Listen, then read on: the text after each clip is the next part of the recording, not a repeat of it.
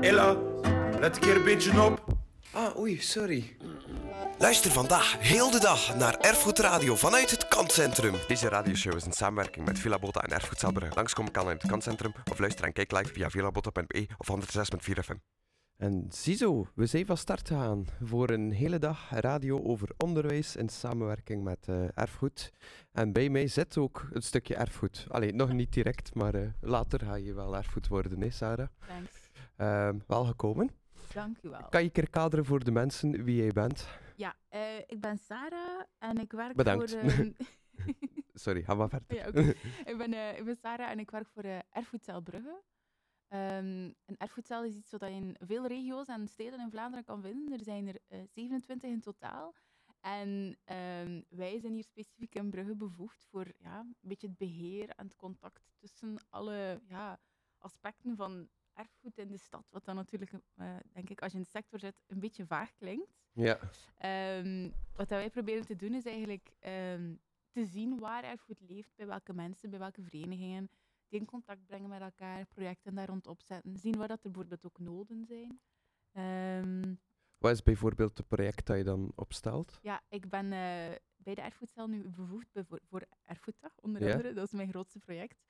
Eh, maar daarnaast ehm, zit ik nu ook eh, te werken op een, lang- een project dat al een tijdje loopt, sinds 2015.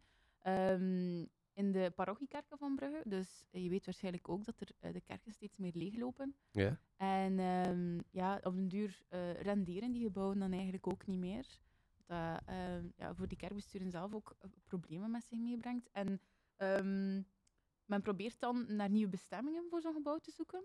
Daar komen soms heel toffe creatieve ideeën uit. Moeten die dan niet eerst eh, ontwijd worden ook? Of? ja, inderdaad. Dat is ook iets dat deel is van het proces. Ja. Maar dan hebben we het eigenlijk alleen nog maar over het gebouw. En ehm, dat is ook zoiets complex van erfgoed. Maar in België is alles wat dat gebouwen is voor erfgoed een aparte dienst. Dat heeft te maken met onze staatsstructuur. Omdat er zoveel zijn. Of, Eh, nee, dat heeft eigenlijk echt te maken met onze politieke structuur en ons, Ja. hoe dat onze overheid in elkaar zit.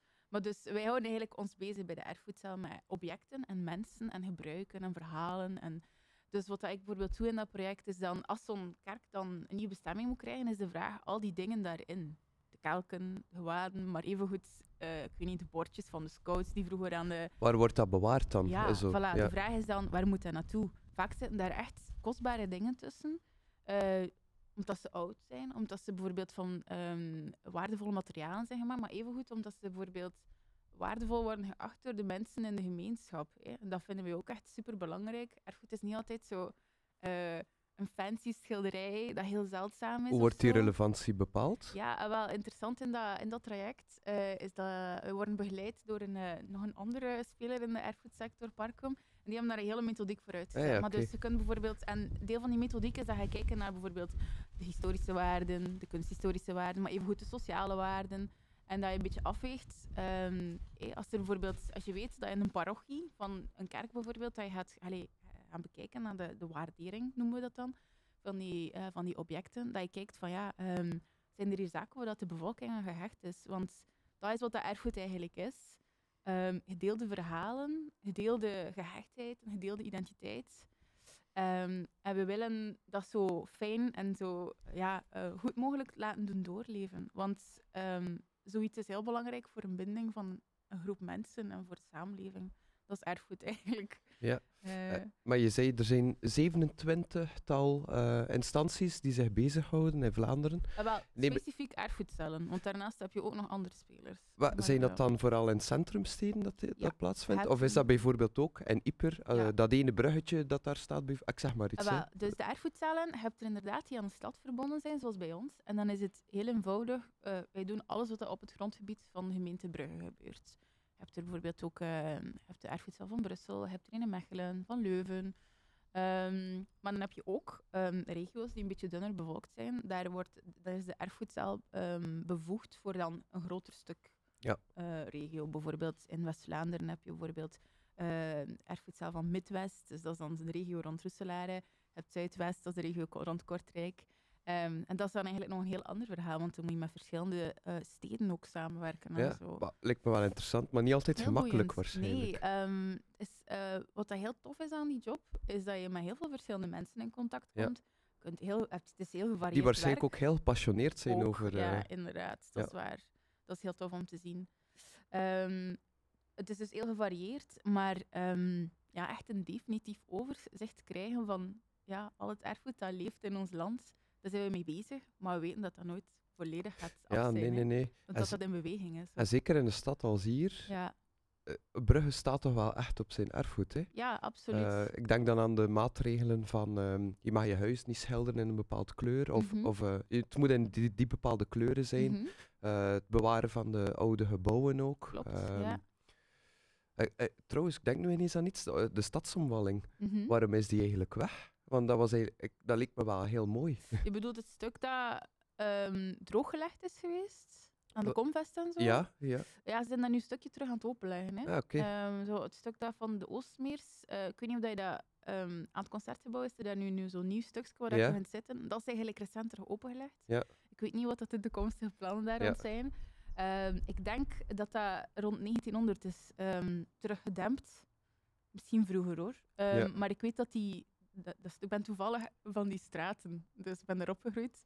Ehm, en de straat waarin ik ben opgegroeid, in de Elisabethlaan, dat was eigenlijk zo rond 1900 wilden de mensen die een beetje geld hadden liever weg vanuit het centrum, niet in de kronkelende straatjes wonen, waar dat onhygiënischer leek en zo. Ja. Eh, dus dan was de mode meer om aan een grotere boulevard met boompjes in het midden, met een groot herenhuis te wonen. En dat is waarschijnlijk dan... er liep dat toen ook een tram, geloof ik. Ehm, ik hoop dat ik niet zo foute dingen zeg hier. Eh, dat kan je trouwens allemaal ook eh terugvinden eh, op de vele websites die de stad Brugge ter beschikking stelt over erfgoed. We hebben een beeldbank, je hebt ook Erfgoed Brugge, dat is eigenlijk een portaalsite. Ik zie dan echt wel een groot team voor me. Die dat allemaal... Dat zijn eigenlijk verschillende teams die samenwerken Ja. in de stad. Ja, ehm, bijvoorbeeld voor de website zitten we regelmatig samen met partners van de BIEB, van het Stadsarchief. En dan gaan we kijken hoe dat we ja, elkaar kunnen helpen, want dat moet Ja. je echt doen. Ehm, hoe ben je zelf eigenlijk in eh, ja, die job of in, in eh, het, onderwerp eh, gerold? Ehm, het onderwerp, ik heb kunstwetenschappen gestudeerd. Ik heb een jaartje in Utrecht ook gestudeerd met een Erasmusbeurs. En daar ehm, kon ik een vak opnemen dat eigenlijk heel... In Nederland zijn ze echt zo... Kijken ze echt naar de toekomst met erfgoed en zijn er heel dynamisch mee bezig. Dat is ook Hoezo dan? Dat is gewoon, ja, kent de Nederlanders, hè. Die kijken, zijn zo echt zo... Ja, maar hoe ga je vernieuwend om met erfgoed? Aha, bijvoorbeeld, ehm, ik geloof dat zij een van de eerste, eh, allee, hier in onze on- contrain in Europa, waren zij een van de eerste die bijvoorbeeld het idee van, of ik heb dat daar leren kennen in ieder geval, van een vraag- en aanbodsite. Bijvoorbeeld, ik ga nu terug naar de kerk, naar het kerkenverhaal. Als je nu, ehm, je kerk moet herbestemd worden, eh, de inboedel moet een nieuwe bestemming krijgen. Ehm, je hebt een gewaad dat eigenlijk niet super bijzonder is om te bewaren, maar het zou eigenlijk zonde zijn van het weg te doen. Ja, Ehm, het zou tof zijn als het ergens in een andere kerk of dan zo. wordt dat eigenlijk Voilà. online geplaatst. Ja, En, en ik heb dat daar bijvoorbeeld leren kennen. Dat is ondertussen ook al, wordt hier in, in België ook gebruikt. Maar daar is dat al een tijdje, geloof ik. en ben jij dan degene die het geïntegreerd heeft naar hier? Nee, nee dat is ja, via congressen en zo Ja. druppelen die ideeën door. Hè. Zo is Ja. dat. Ehm, maar dus, ehm, daar heb ik eigenlijk een uitgebreid vak daar rond gevolgd. En eh, ik was daar wel door geboeid, maar ehm, het is dan eigenlijk door hier in Brugge terug naar mijn studies te belanden en een bisstage te zien, een vacature daarvoor bij de, bij de erfgoedcel, ehm, dat ik eigenlijk erin ben beland. Ik heb dan vorig jaar mijn stage gedaan bij de erfgoedcel, erfgoeddag voor de eerste keer Ja. eh, georganiseerd. En dan blijven plakken als vaste werkkracht. Oké, we gaan zo dadelijk over naar eh, wat er vandaag allemaal op het schema Top. zal staan. Leuk. Eh, we verklappen het thema al. Jullie gaan het misschien al gezien hebben. Het is onderwijs. We zitten hier ook aan schoolbankjes. We hebben een uh, krijtbordje. We vinden, bevinden ons ook in het kantcentrum. Jullie zijn zeker welkom vandaag om een keer langs te komen. Ehm, we zitten hier nog tot 8 uur. Dus de countdown van 10 uur is begonnen. Ehm, we gaan zo, zo dadelijk verder. Eerst nog een liedje. Dit is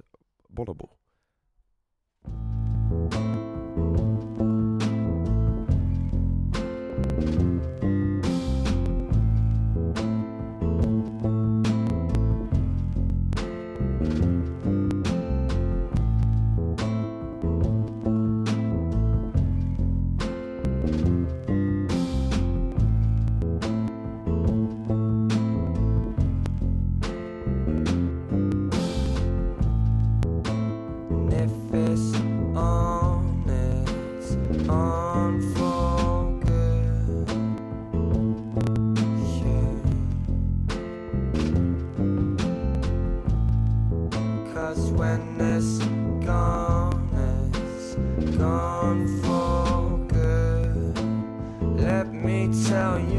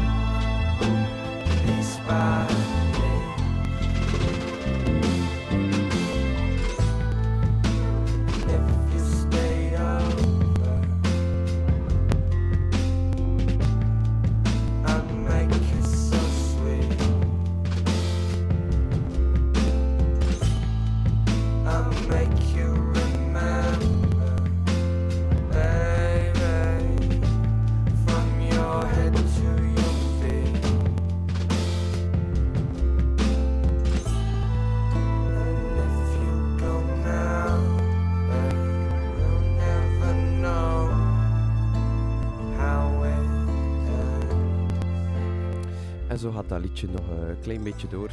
Maar eh, ja, ik heb zin om meer te babbelen dan naar muziek te luisteren. Eh, want er staat vandaag zeer veel op het programma. Absoluut. Eh, er komen een heel tal, een, een, aantal radiomakers langs om over van alles en nog wat te babbelen.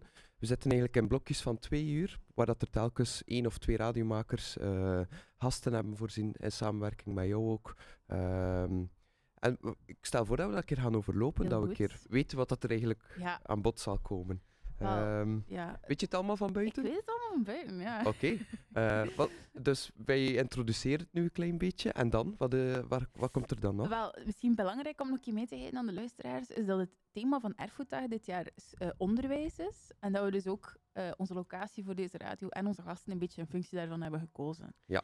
Dus ehm, nu doen we inderdaad een stukje introductie. Ehm, straks eh, komen... Wacht, onderwijs, maar we zitten daar wel in het kantcentrum. Ja, inderdaad. Huh? Vraag. Huh. Eh, het kanscentrum, dat is een beetje zo'n verborgen parel hier in het eh, Sint-Anna-kwartier. Ehm, ik geloof dat het Sint-Anna is, ja. Ja. In Brugge.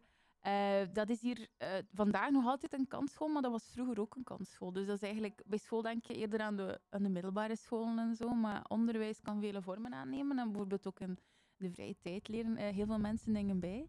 En vandaar dat we deze locatie hebben genomen. Het is natuurlijk ook heel mooi met de boomhaard hier op de achtergrond. Want dat is, eigenlijk is het wel een leuke link met Villa Bota ook. De overschot van de bomen die in het Astridpark staan. ja, Eh, het- klopt. Het Botanikenhof, de botanische bomen, staan hier eigenlijk achter ons. Ik weet niet of dat, eh, onze technieker dat in beeld kan brengen. dat was hier inderdaad vroeger zo...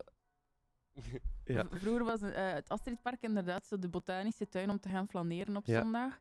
En ze hebben dan geprobeerd om hier inderdaad zo'n tweede boost te geven, maar dat is nooit van de grond gekomen. Maar de bomen zijn inderdaad wel... Ja, het is hier eigenlijk niet openbaar. Hè? Nee, dat is Ja. inderdaad... Dat is Wel, wel zeer spijtig. Ja, het is van eh, de familie Adornis, die ook de ehm Jeruzalemkerk eh in bezit heeft. Ook een Ja. heel mooie kerk om te bezoeken.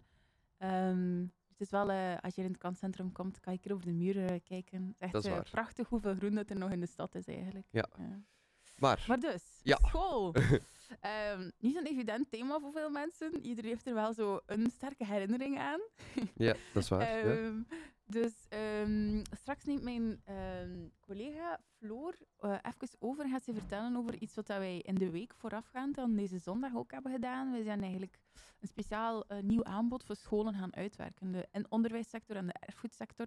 En al bij heel gedreven sectoren die veel van elkaar kunnen eigenlijk meepikken, maar niet elkaar altijd vinden. Dus we hebben eigen- eigenlijk ook een beetje ingezet op deze periode Ja. om die banden wat meer te smeden. En zij gaat er meer over vertellen samen met Guillaume van eh, Anima Eterna. Ehm, dus en dit blok wordt dan verder nog wat ingevuld door zo, ja, algemene introductie in school. ehm, een beetje de anekdotiek van het onderwijs ook, want iedereen heeft altijd wel sterke verhalen over, eh, over de klas, over de leraren, over de, de leerlingen.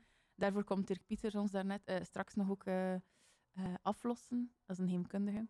Dan hebben we een blokje van 12 tot eh 2 over straffen en sancties. Dat is natuurlijk ook een aspect dat veel hem leren kennen. Ja. op de schoolbanken zaten, dat is mijn radiomaker Jelle.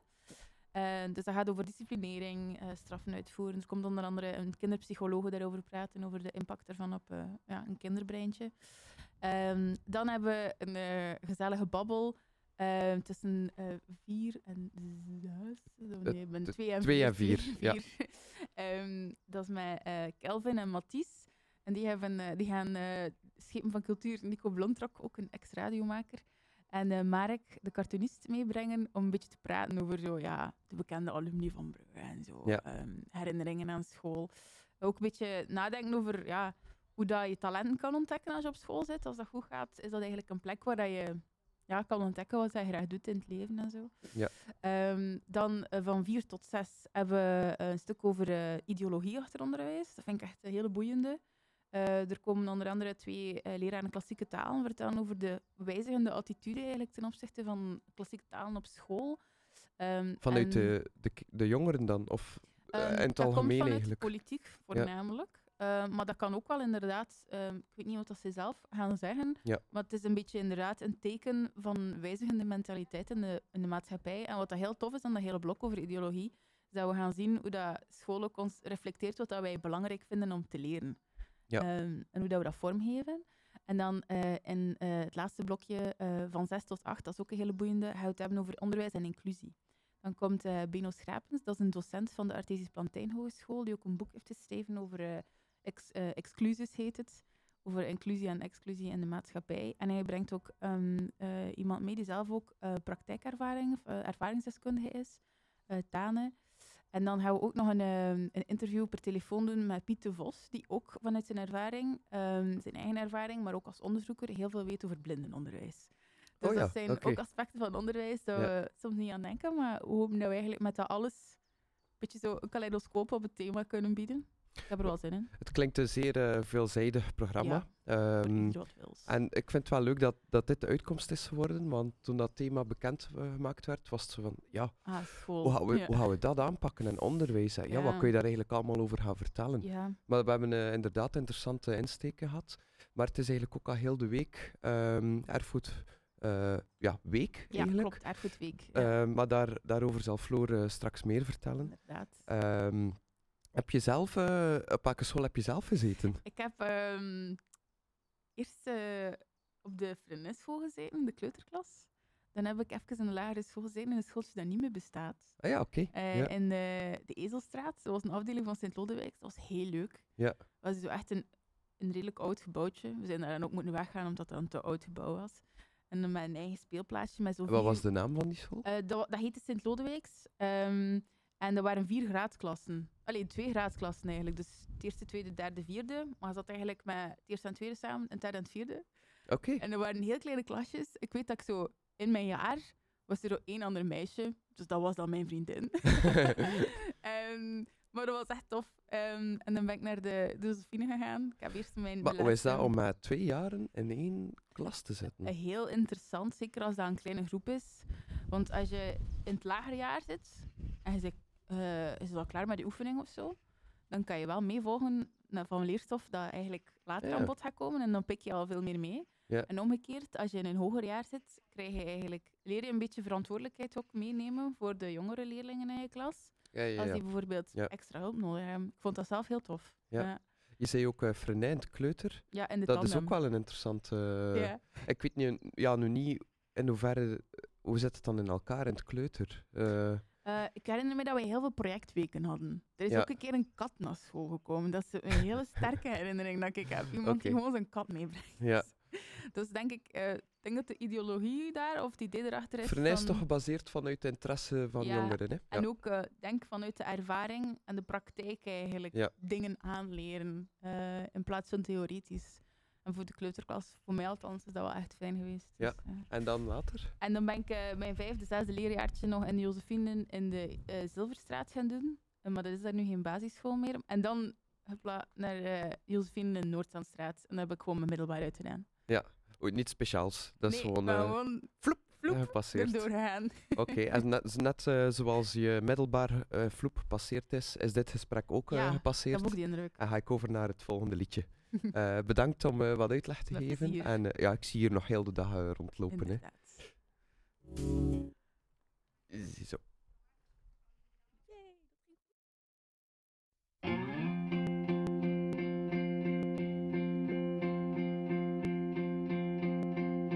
Time takes care of the wound, so I can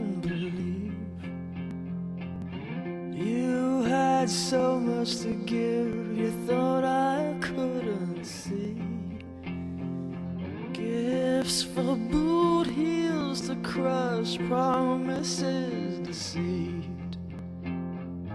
I had to send it away to bring us back again.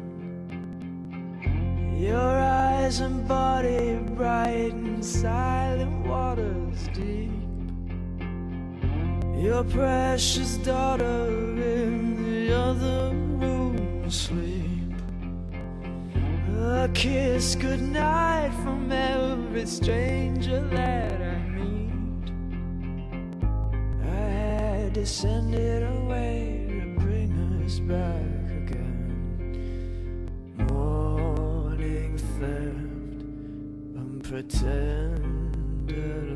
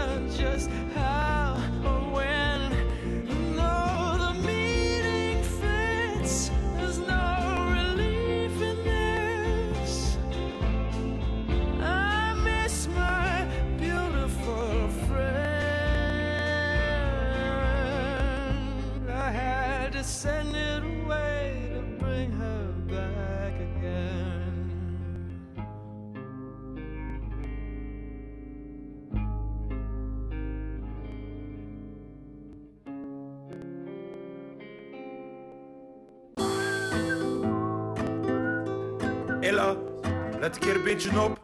Ah, oei, sorry.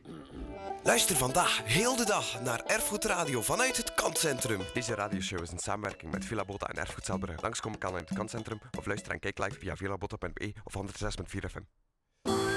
Ziezo, het zonnetje begint te schijnen. eh daarnet ook al. Maar nu begin ik het toch wel een beetje te voelen. Met hier een half uurtje te zitten. Ik hoop dat ik niet verbrand. Ehm, bij mij zitten twee nieuwe gasten, Floor en Guillaume. Een goede morgen. Hallo, goedemorgen. Goedemorgen. Is het een beetje vroeg voor jullie om hier te zijn? Of eh, valt het mee? Val wel mee hoor. Ja? Ik ben hier al van de 7,5. Dus, eh, Ah ja, oké. Eh, en je, waarom ben je hier al zo vroeg? Ik eh, help het organiseren en dus moesten we nog een paar dingen klaarzetten. eh, en de infolijn bemannen voor eh, vandaag. Bemannen, ja. Eh, maar jij werkt ook voor erfgoed. ja, ja, ik ben eh, Ehm, Sarah's collega. En eh, wat zijn jouw specifieke taken dan? Eh, ik ben aangenomen specifiek voor Erfgoeddag te helpen organiseren.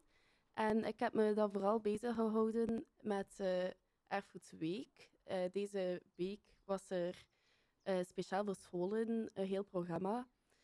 En dat was uitzonderlijk omdat het thema Erfgoeddag maakt school is. En onder andere Guillaume is dus met zijn organisatie Anima Eterna naar een school getrokken. En heeft daar over erfgoed gebabbeld. Ehm, Guillaume, leg een keer uit wat eh, Anima Eterna is. Ja, wij zijn een, eh, een orkest, een symfonisch orkest hier in Brugge. We zijn in residentie in het eh, concertgebouw, dus daar kan je ons vaak horen spelen of zien repeteren. En ons kantoor is eigenlijk in de Ezelpoort, dus iedereen wie daar eens onderdoor fietst, mag altijd naar mij naar boven zwaaien en dan zwaai ik misschien terug. Ja. En hoe is de link dan met erfgoed? Ja, eh, muziek en, en de hele geschiedenis eh, die daarachter hangt, ehm, willen wij ook gaan ontsluiten, omdat wij met een moeilijk woord een historisch geïnformeerd orkest zijn. Wat betekent dat wij altijd gaan spelen op oude instrumenten of kopieën van, omdat wij eigenlijk zo dicht mogelijk bij de klank van toen willen geraken. Hoe heeft dat toen in de Eh, tijd geklonken? Ja. Ehm, met welke bedoelingen heeft de componist dat geschreven? Hoe hoorde hij zijn werk? Of een zij natuurlijk. Ehm, en dat willen wij eigenlijk gaan benaderen. En nu dus deze week ook met, eh, met de kinderen gaan ontsluiten. En slagen jullie daarin om diezelfde sound eh, weer te geven? Oh, dat ga ik aan het publiek overlaten. Ja. Oké, eh, maar ja, dat weet, zekerheid is er nooit. Je probeert altijd iets. Je probeert een... je- je zegt, ik laat het aan het publiek over, maar weten zij dan hoe dat het vroeger klonk? Nee, ook niet. ja, Nee. ja. Ja, dat moet eigenlijk wel speciaal geweest zijn, hè? want eh, toen was er geen iTunes of eh, Spotify, of gingen mensen alleen maar naar...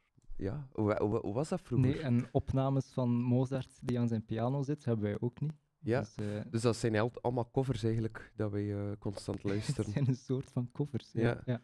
Oké, ehm, maar hoe gaat het dan in de, aan de slag? Hoe komen jullie aan jullie leerlingen? Of, ehm, Eh, wij hebben zelf geen leerlingen, dus eh, de speelplaats of de, de klaslokalen zijn ons totaal vreemd. En nu speciaal voor de Erfgoedweek zijn we toch naar daar getrokken om wat van onze werking te delen en onze muziek te delen met de kinderen. Maar hoe komen mensen in jullie werking? De muzikanten dan? Ja? Eh, ja, via via eigenlijk. We hebben een, eh, een, een kerngroep, zeg maar, van een aantal muzikanten, maar per project wordt er gekeken wie zou er het beste passen voor de muziek die we spelen. Ja. En dan eh, komen die hier samen in Brugge om te repeteren en dan gaan we op tournee in Europa. Ah ja, het zijn eigenlijk eh, mensen van over heel Ja, eh, België, een- Vla- Vlaanderen, Europa, je mag de wereld, wereld. zeggen. Ja, Amai, dat is een heel internationaal orkest. Ja. Ja. Maar Dan komt er wel veel bij kijken, want als die dan komen, moeten die dan ook wel een hotelletje krijgen. Ja, waarschijnlijk, ja of- de, dat is gelukkig niet mijn taak, maar Ja. de praktische regeling om iedereen samen te krijgen op tijd en op de juiste plek is wel wat werk aan. Ja. En bij welke school zijn jullie dan deze week eh, langs We hebben twee scholen gedaan, eh, de Witte Stamroos en Immaculata Basisschool. Ja. En dat was het tweede leerjaar, dus dat zijn nog best kleine kindjes. En dan was het ook met een optreden erbij, of was het meer eh, Er informatief? zijn eh, twee altviolisten eh, gekomen, eh, Bernadette en Esther. En die hebben een instrument uiteraard meegebracht. En die hebben een beetje het orkest voorgesteld aan de kindjes. Welke instrumenten zitten daar allemaal in? Welke soorten groepen bestaan er, van de strijkers tot de blazers? Ja, ja. Omdat tweede leerjaar is ook wel een interessante leeftijd, omdat binnenkort kunnen de leerlingen dan zelf naar de muziekschool gaan, of ze doen het al, om een instrument te kiezen. En eh, zo hebben ze al even kunnen proeven van eh, welke instrumenten er allemaal zijn. En was er positieve reactie? Ja, ja, want op het einde was er een speels momentje dat ze mee mochten spelen, de instrumenten imiteren. Oké. Dan was er ook een dirigent Met, met een stem dan? Of? Ja, uitbeelden, hoe speel je een Ja. viool of eh, hoe sla je op de pauken. Eh, dus dat was wel een leuk eh, moment om mee af te sluiten. Ja. En Floor, hoe komen jullie dan bij een organisatie als deze? Ik denk dat ze al vaak hebben meegedaan met Erfgoeddag. En dan hadden ze zelf ook gezegd van wij willen wel zelf naar de klas trekken. Eh, wat dat wel heel tof is. Eigenlijk waren er heel veel organisaties wel enthousiast om ook een keer naar de klas te gaan. Om een keer nieuwe mensen aan te spreken. Want ja, het is soms moeilijk voor erfgoedorganisaties om scholen te bereiken. Ja. Of een keer gewoon een ander publiek. En ik heb de indruk dat we met deze week wel veel nieuwe mensen kunnen bereiken. Door het thema leek het eh, makkelijker om dan ook effectief naar het onderwijs te stappen eigenlijk. Ja, inderdaad. Eh, het is ook vanuit FARO, dus de overkoepelende organisatie, heel veel eh, extra reclame naar het onderwijs te gaan. En nu hopen Wat is FARO? FARO is de overkoepelende eh erfgoedorganisatie voor Vlaanderen. Ah ja, zij delegeren eigenlijk alle Ja, erfgoedinstanties. Ja. De 27 waar eh, Sarah over eh, babbelde. Ja, inderdaad. Dus zij hebben ook het thema vastgelegd. En dan werken wij daarmee. Wat ga je eigenlijk doen na deze week? Je bent alweer werkloos. Praktisch. Nee, nee. Eh, we gaan evaluatie doen. Ja. En ik denk, wat we nu ook willen, is om die contacten met de scholen en de erfgoedorganisaties, om daar iets blijvends van te maken. Hoe kunnen we dat ja, permanent eh, maken en zorgen dat die, ja, dat die relatie tot stand komt. Want ik heb de indruk dat er wel heel veel goede reacties zijn. En dat het wel een meerwaarde is, zowel voor de organisaties als voor de scholen. Ja, eh, ik ga eh, mijn koffietje op, opruimen, maar je is net omgewaaid. Dus ik ga vlug een eh, liedje opleggen. Eh, en dan gaan we speed nog een beetje verder keuvelen. Hey, Mr. Mr. Man, sure things are getting out of hand. There are no more rooms left to fill the gloom. Caring is an heirloom we can't afford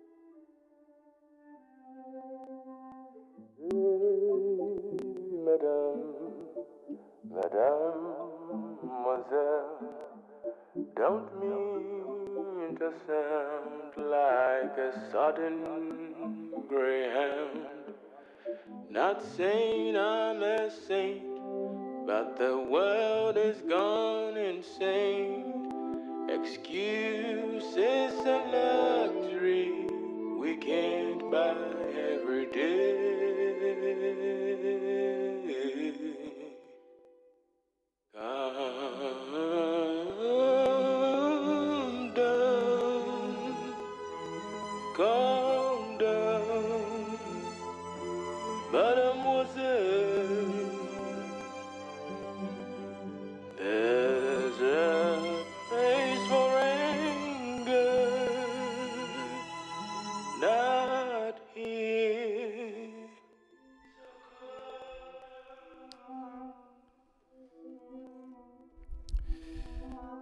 Nummertje had toch al een beetje een eh, klassieke vibe ook, wat ik ook wel een klein beetje voor me zie bij eh, Anima Eterna. Of eh, ben, sla ik de bal volledig mis? Het zit er toch redelijk naast. Maar Ja. ja. Ah ja, oké. Maar we gaan straks een keer iets luisteren. want jullie hebben redelijk veel op Spotify staan, hè? Ja, we zijn best goed vertegenwoordigd. Maar we gaan ook al eventjes mee. Meer dan 30 jaar. Dus ja.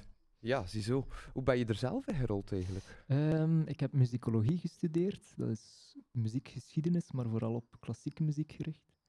Eh, en dan, eh, goh, ja, er Waar in, eh, in gerold eigenlijk. Dat was in Leuven, ja. Oké, ja. Ehm, ja, dat is eigenlijk de enige plek in België waar dat je meteen van het eerste jaar in En de hoe, hoe, muzikologie... hoe noemt die school? KU Leuven. Ah, dat is van KU Leuven. Oké, ja. ja, ja. ja. Faculteit letteren was dat.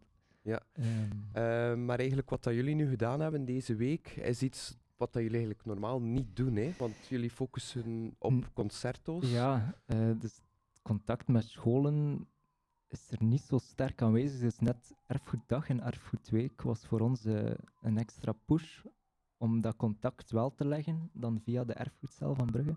Het was jullie die dan een, een aantal maanden geleden belden? Of hoe, hoe is- ik vraag me af dat, dat in zijn werking gaat. Is dat, doen jullie dit jaar weer mee? Of, eh, Ja, eigenlijk, allee, we hebben een infomoment waarin dat we het thema uitleggen en ja, al een beetje leidraden geven. Maar we hebben ook een vaste lijst met partners die altijd meedoen en dat sturen we een mail. dat infomoment, is dat eh, waar je alle partners uitnodigt en die komen luisteren? Of? Ja, ja. ja. en dat is al van november. Dus we zijn hier al een tijdje mee bezig. En jullie waren daar dan ook eh, bij, op dat infomoment?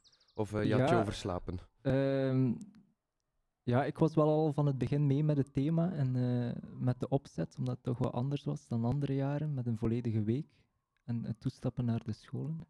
Eh, ja, maar vanaf het eerste moment waren we eigenlijk mee om... En je had ook al direct een idee van, we gaan, we gaan misschien dat doen? Nee, ja, het idee om naar de klas te stappen is simpel, maar dan moet er wel nog een les uitgewerkt worden waarin dat ja, een vrij moeilijke materie als een orkest en Ja. de werking daarvan duidelijk wordt voor kinderen van 8, 9 jaar. Ja, kruipt daar veel werk in om zoiets voor te bereiden? En hoe lang duurde die les dan eigenlijk? De les was gewoon 50 minuten, eh, maar ja, de voorbereiding, er waren ook infosessies vanuit erfgoed. Eh, ik denk dat het Faro was die Ja. dat organiseerde, om, om organisaties als ons een beetje weg te wijzen van hoe bouw je het best een les op. En hoe doe je dat Ehm, eigenlijk? Ja, eh, momenten van triggeren tot informeren, eh, dan eh, de, de opgedane kennis activeren in een, in een actiever lesmoment. Ja. En dan een soort reflectie in een dit- speelsmoment. Ik hoor dynamisch houden. Dat is in de muziek ook zo. Hè? ja, ja, voilà, helemaal. Dus Ja. uiteindelijk is dat wel gelukt, ja. Ehm, over, misschien kunnen we wel een keer een stukje luisteren. Ehm. Uit de vele nummers.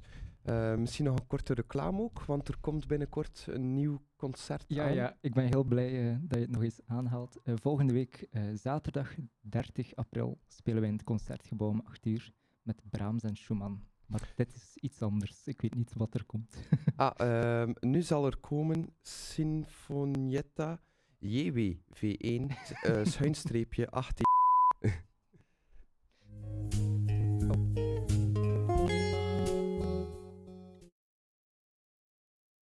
Even eh, technisch in orde brengen. Het is hier nog allemaal een beetje zoeken, maar eh, het komt eraan. Voilà.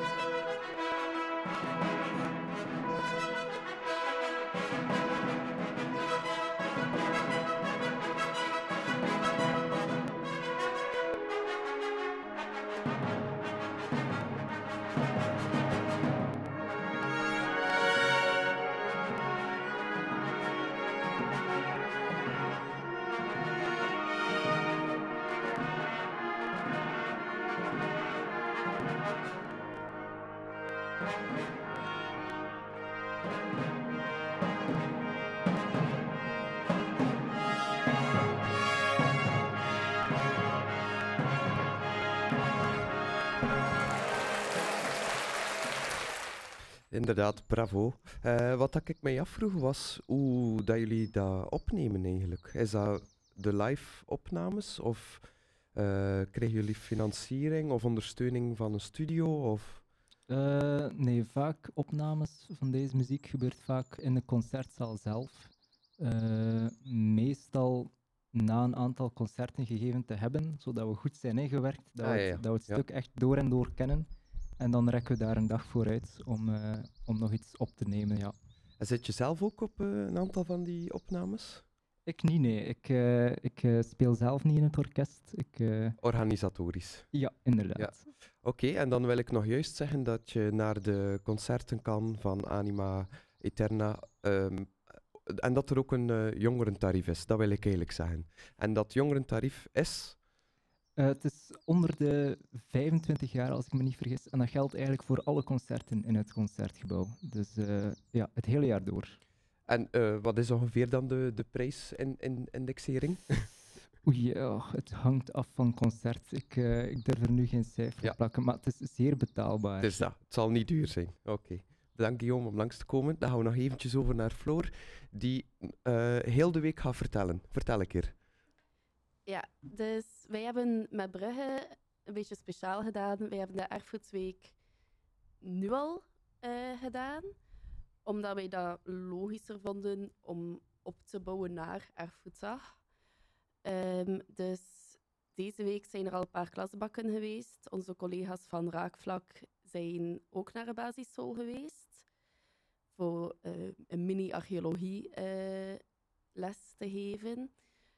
Maar volgende week zijn er ook nog klasbakken. En eh, dan doen we ook een paar middelbare scholen aan. Ehm, ook heel interessant is bijvoorbeeld eh, de brouwerij van Bourgogne de Vlaanderen komt babbelen.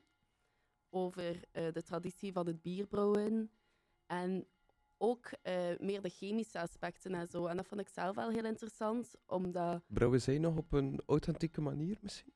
Ja, ik heb de indruk van wel. Allee, ze zijn wel meegegaan met de tijd natuurlijk, maar de basis blijft Ja. eh, hetzelfde. En dan vond ik dat wel leuk om te tonen dat erfgoed niet alleen puur cultuur, cultureel is, maar dat kan ook hier een beetje meer chemisch, wetenschappelijk zijn. Ehm, en dus in die zin gaan de leerlingen van het Brugse dat hopelijk ook ontdekken. Eh, ik hoop dat dat dan wel 16 plus. Ja, eh, ja, ja, ja. ja. Het is een, eh, een zesde middelbaar, denk ik. Ja. Maar dus, eh, in totaal gaan we zo'n veertigtal klassen, denk ik, eh, doen. Met verschillende organisaties. Dus ik vind wel dat het een heel mooi bereik is. Zijn dat dan vooral in Brusselse scholen of kijken jullie ook naar de randgemeenten? Het is vooral Brugge, maar eh, we hebben bijvoorbeeld ook Oostkamp gedaan. Omdat zij niet direct onder een erfgoedcel vallen. En ja, Hij dacht, kom hier, sukkelaars, Ja, komt er maar bij. inderdaad. Ja, Ja. nee, dat is, op zich is dat toch geen grote verplaatsing voor de meesten. Dus eh, we Is hebben er, wel... is er ja. vandaag ook nog iets anders dan erfgoedradio in de stad bezig nu? Oeh. Ja, we hebben vandaag denk ik 39 activiteiten. Wat blief? Amai. Ja, dus... Weet je ze alle 39 van buiten? Oh, oh. Niet Nee. van buiten. Maar eh, dus, het is veel in Brugge, maar ook om, Brugge omstreken. Ehm, in Damme zitten we ook. Eh, in Dutzelen. Ehm, Wat en- zal dan waarschijnlijk niet klasblokken zijn vandaag? Nee, vandaag is het dus voor het, voor het brede publiek. Iedereen mag eh, langskomen. We hebben activiteiten die specifiek voor kids zijn. Maar dan ook ja, gewoon voor ouderen of voor middelbare leeftijd. Ja, dus voor iedereen is er wel iets te doen. Ehm, Waar kunnen de mensen eh, de informatie vinden waar dat wat eh, te doen is? ja, dat is op onze website uh, erfgoedzaalbrugge.be. Oké, bedankt. Alsjeblieft. Eh, is er zelf nog iets dat jullie willen toevoegen aan dit gesprekje? Ja, iets heel belangrijks. Ja. 13 euro.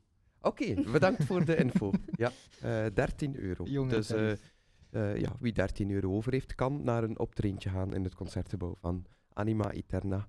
Ik dank jullie zeer. Eh, geniet nog van deze dag, van het zonnetje. Eh, neem nog een koffietje, eet nog een boterkoek. Ehm, dag. Dank u wel. Da.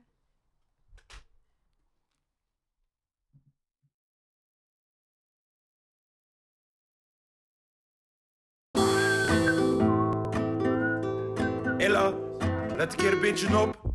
Ah, oei, sorry. Luister vandaag heel de dag naar Erfgoedradio vanuit het Kantcentrum. Deze radioshow is in samenwerking met Villa Bota en Erfgoed Zelbrugge. Langskom kan in het Kantcentrum of luister en kijk live via villabota.be of 106.4 FM.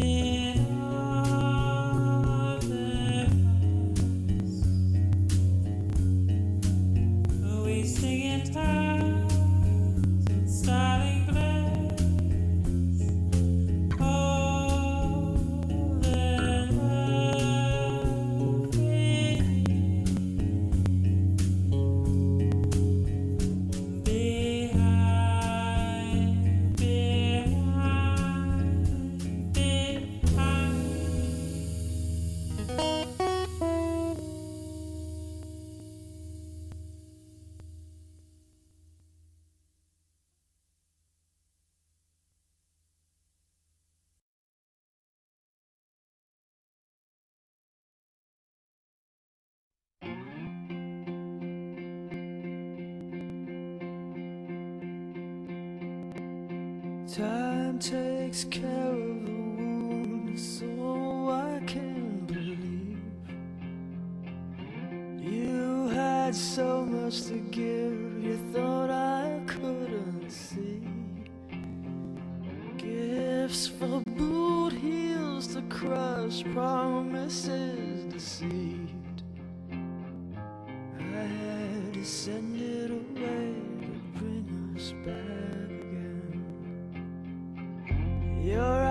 and body bright and silent waters deep. Your precious daughter in the other room asleep. A kiss goodnight from every stranger that I meet. I had to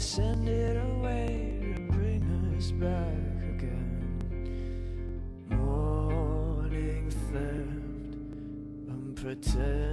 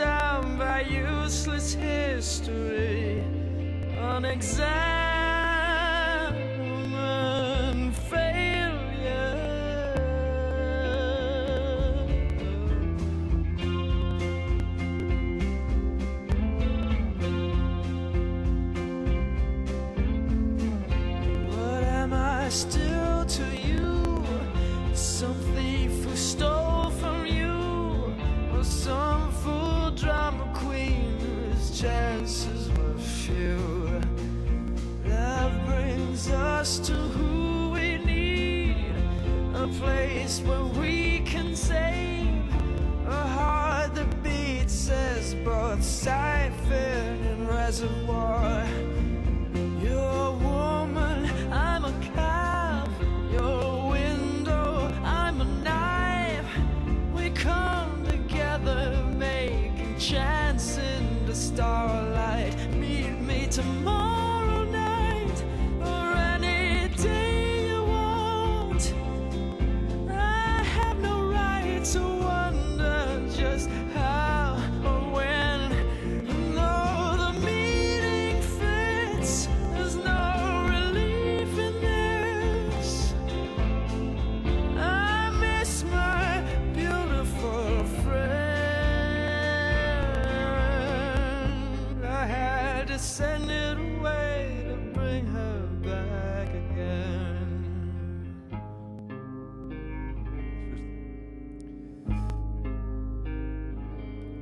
En zo horen we de laatste gitaartonen van Jeff Buckley. En we zijn aangekomen aan ons tweede uurtje. Dirk is nog even eh, technisch in orde aan het geraken. Ja? Oké. Ja, dat klinkt goed. Oké, een goede ochtend, eh, Dirk. Goedemorgen. Goedemorgen. Ehm, mensen hebben mij aangekondigd dat jij een heemkunde bent en dat je een schooltje op ouderwetse manier hebt ingericht. Inderdaad, dat is in Dutzelen. Dat is in de school De Leenaard, die vandaag hun schoolfeest organiseren.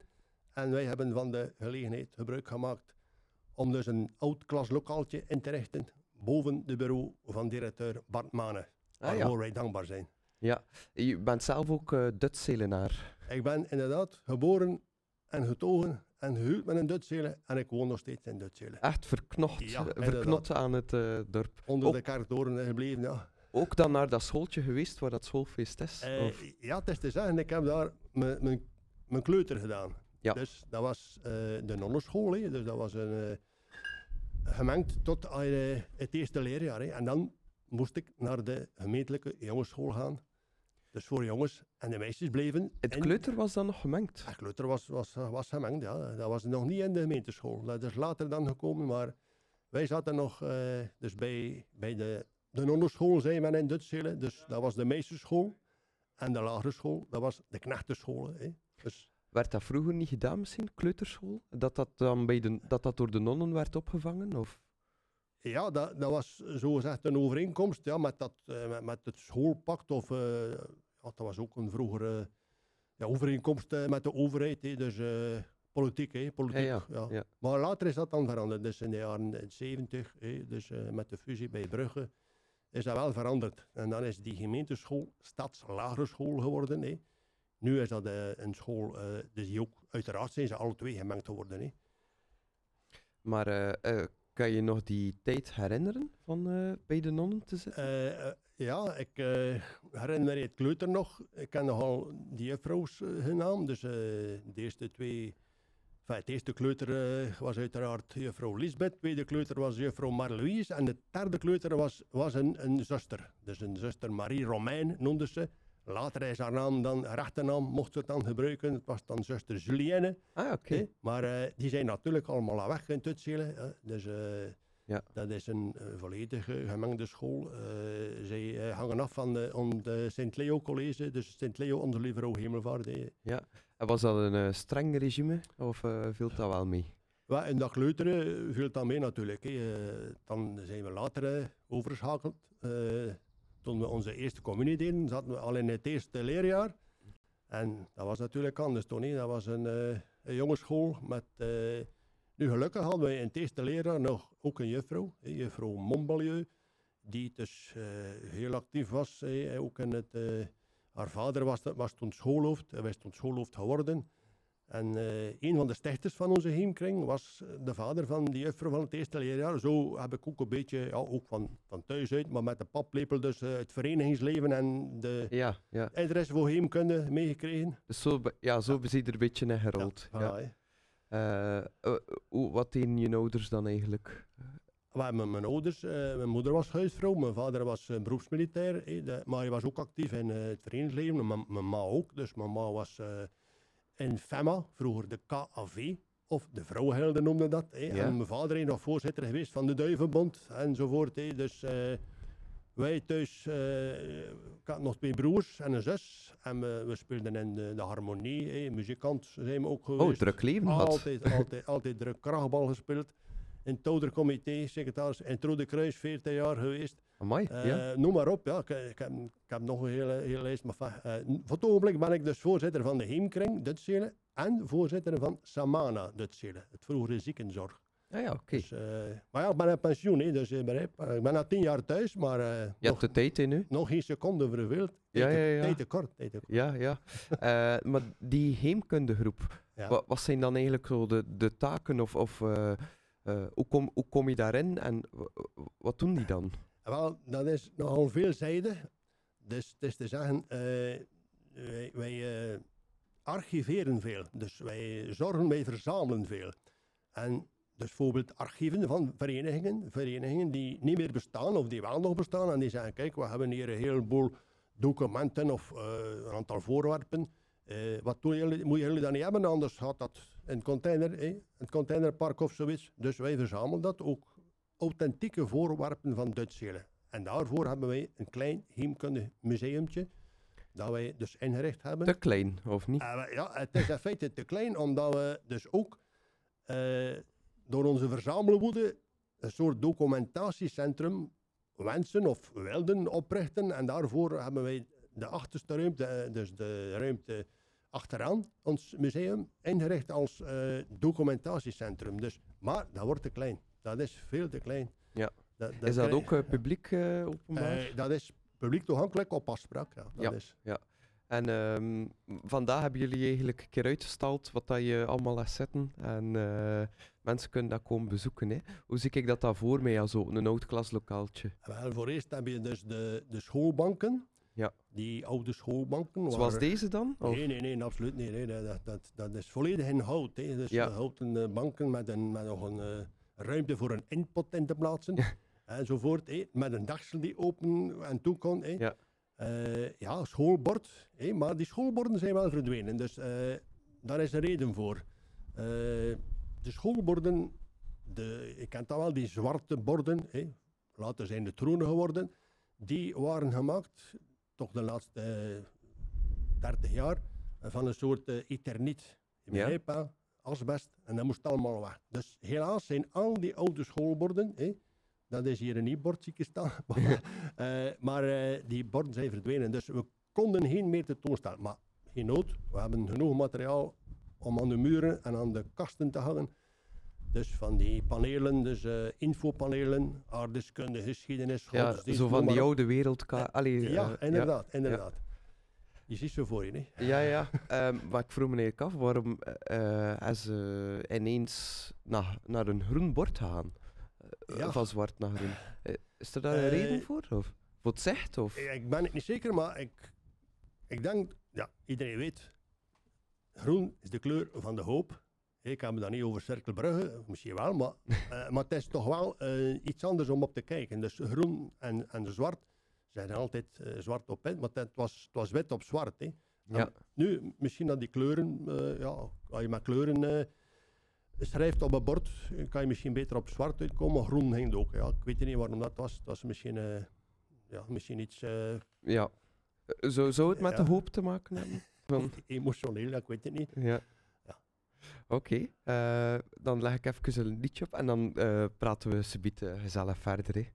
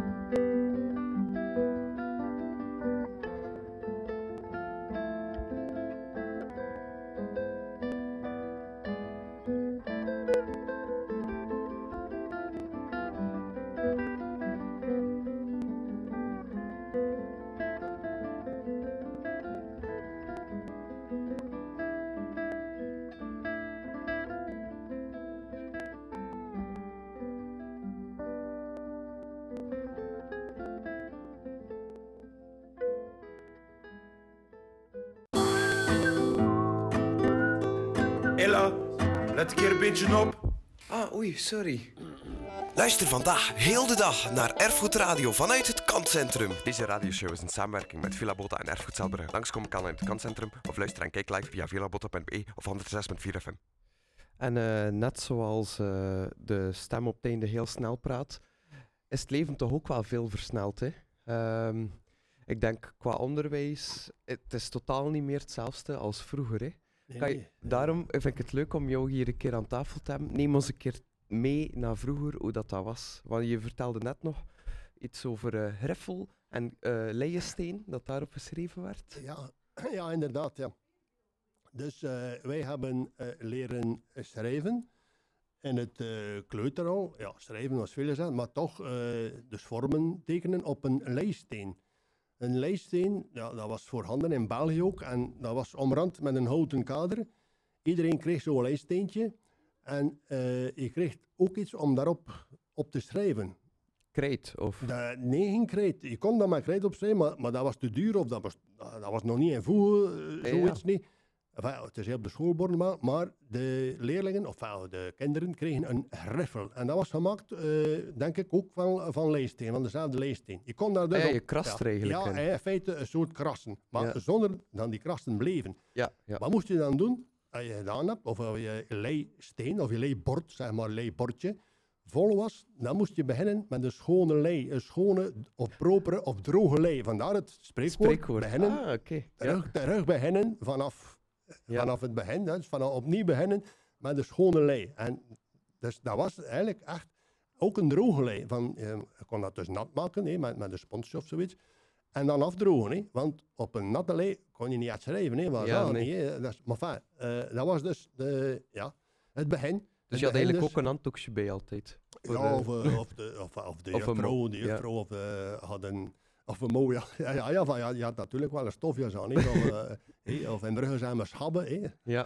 Dus Ah, dat ken ik gewoon niet, Ja, dat schabben, dat ken je dat woord niet. Nee. Nee, nogthans een Bruggeling. hè. Je vader had dat wel kennen. Ja, ik had hem een keer vragen. een schabben, of een schort. Ja. Eh, nu zijn ze stofjas. Enfin, dat wordt niet meer gebruikt. Enfin, dat wordt niet veel meer. Want de meesters hadden dat ook allemaal aan. Hè. Dus de, ik zeg wel de meesters, hè. Eh, ze hadden dus, en in een borstzakje zaten eh, uiteraard de groene en de rode stilo. En Ja. de blauwe natuurlijk ook. Hè. De Toen in die tijd bestond dat dan al, stilo's? Ja, maar het is zeggen, in, in mijn tijd wel. eh, maar in de beginperiode niet. In de beginperiode heb ik dus nog eh, eerst die griffel gekend met de lijsteen. En dan in het eerste leerjaar heb ik nog de inktpot gekend met een pen.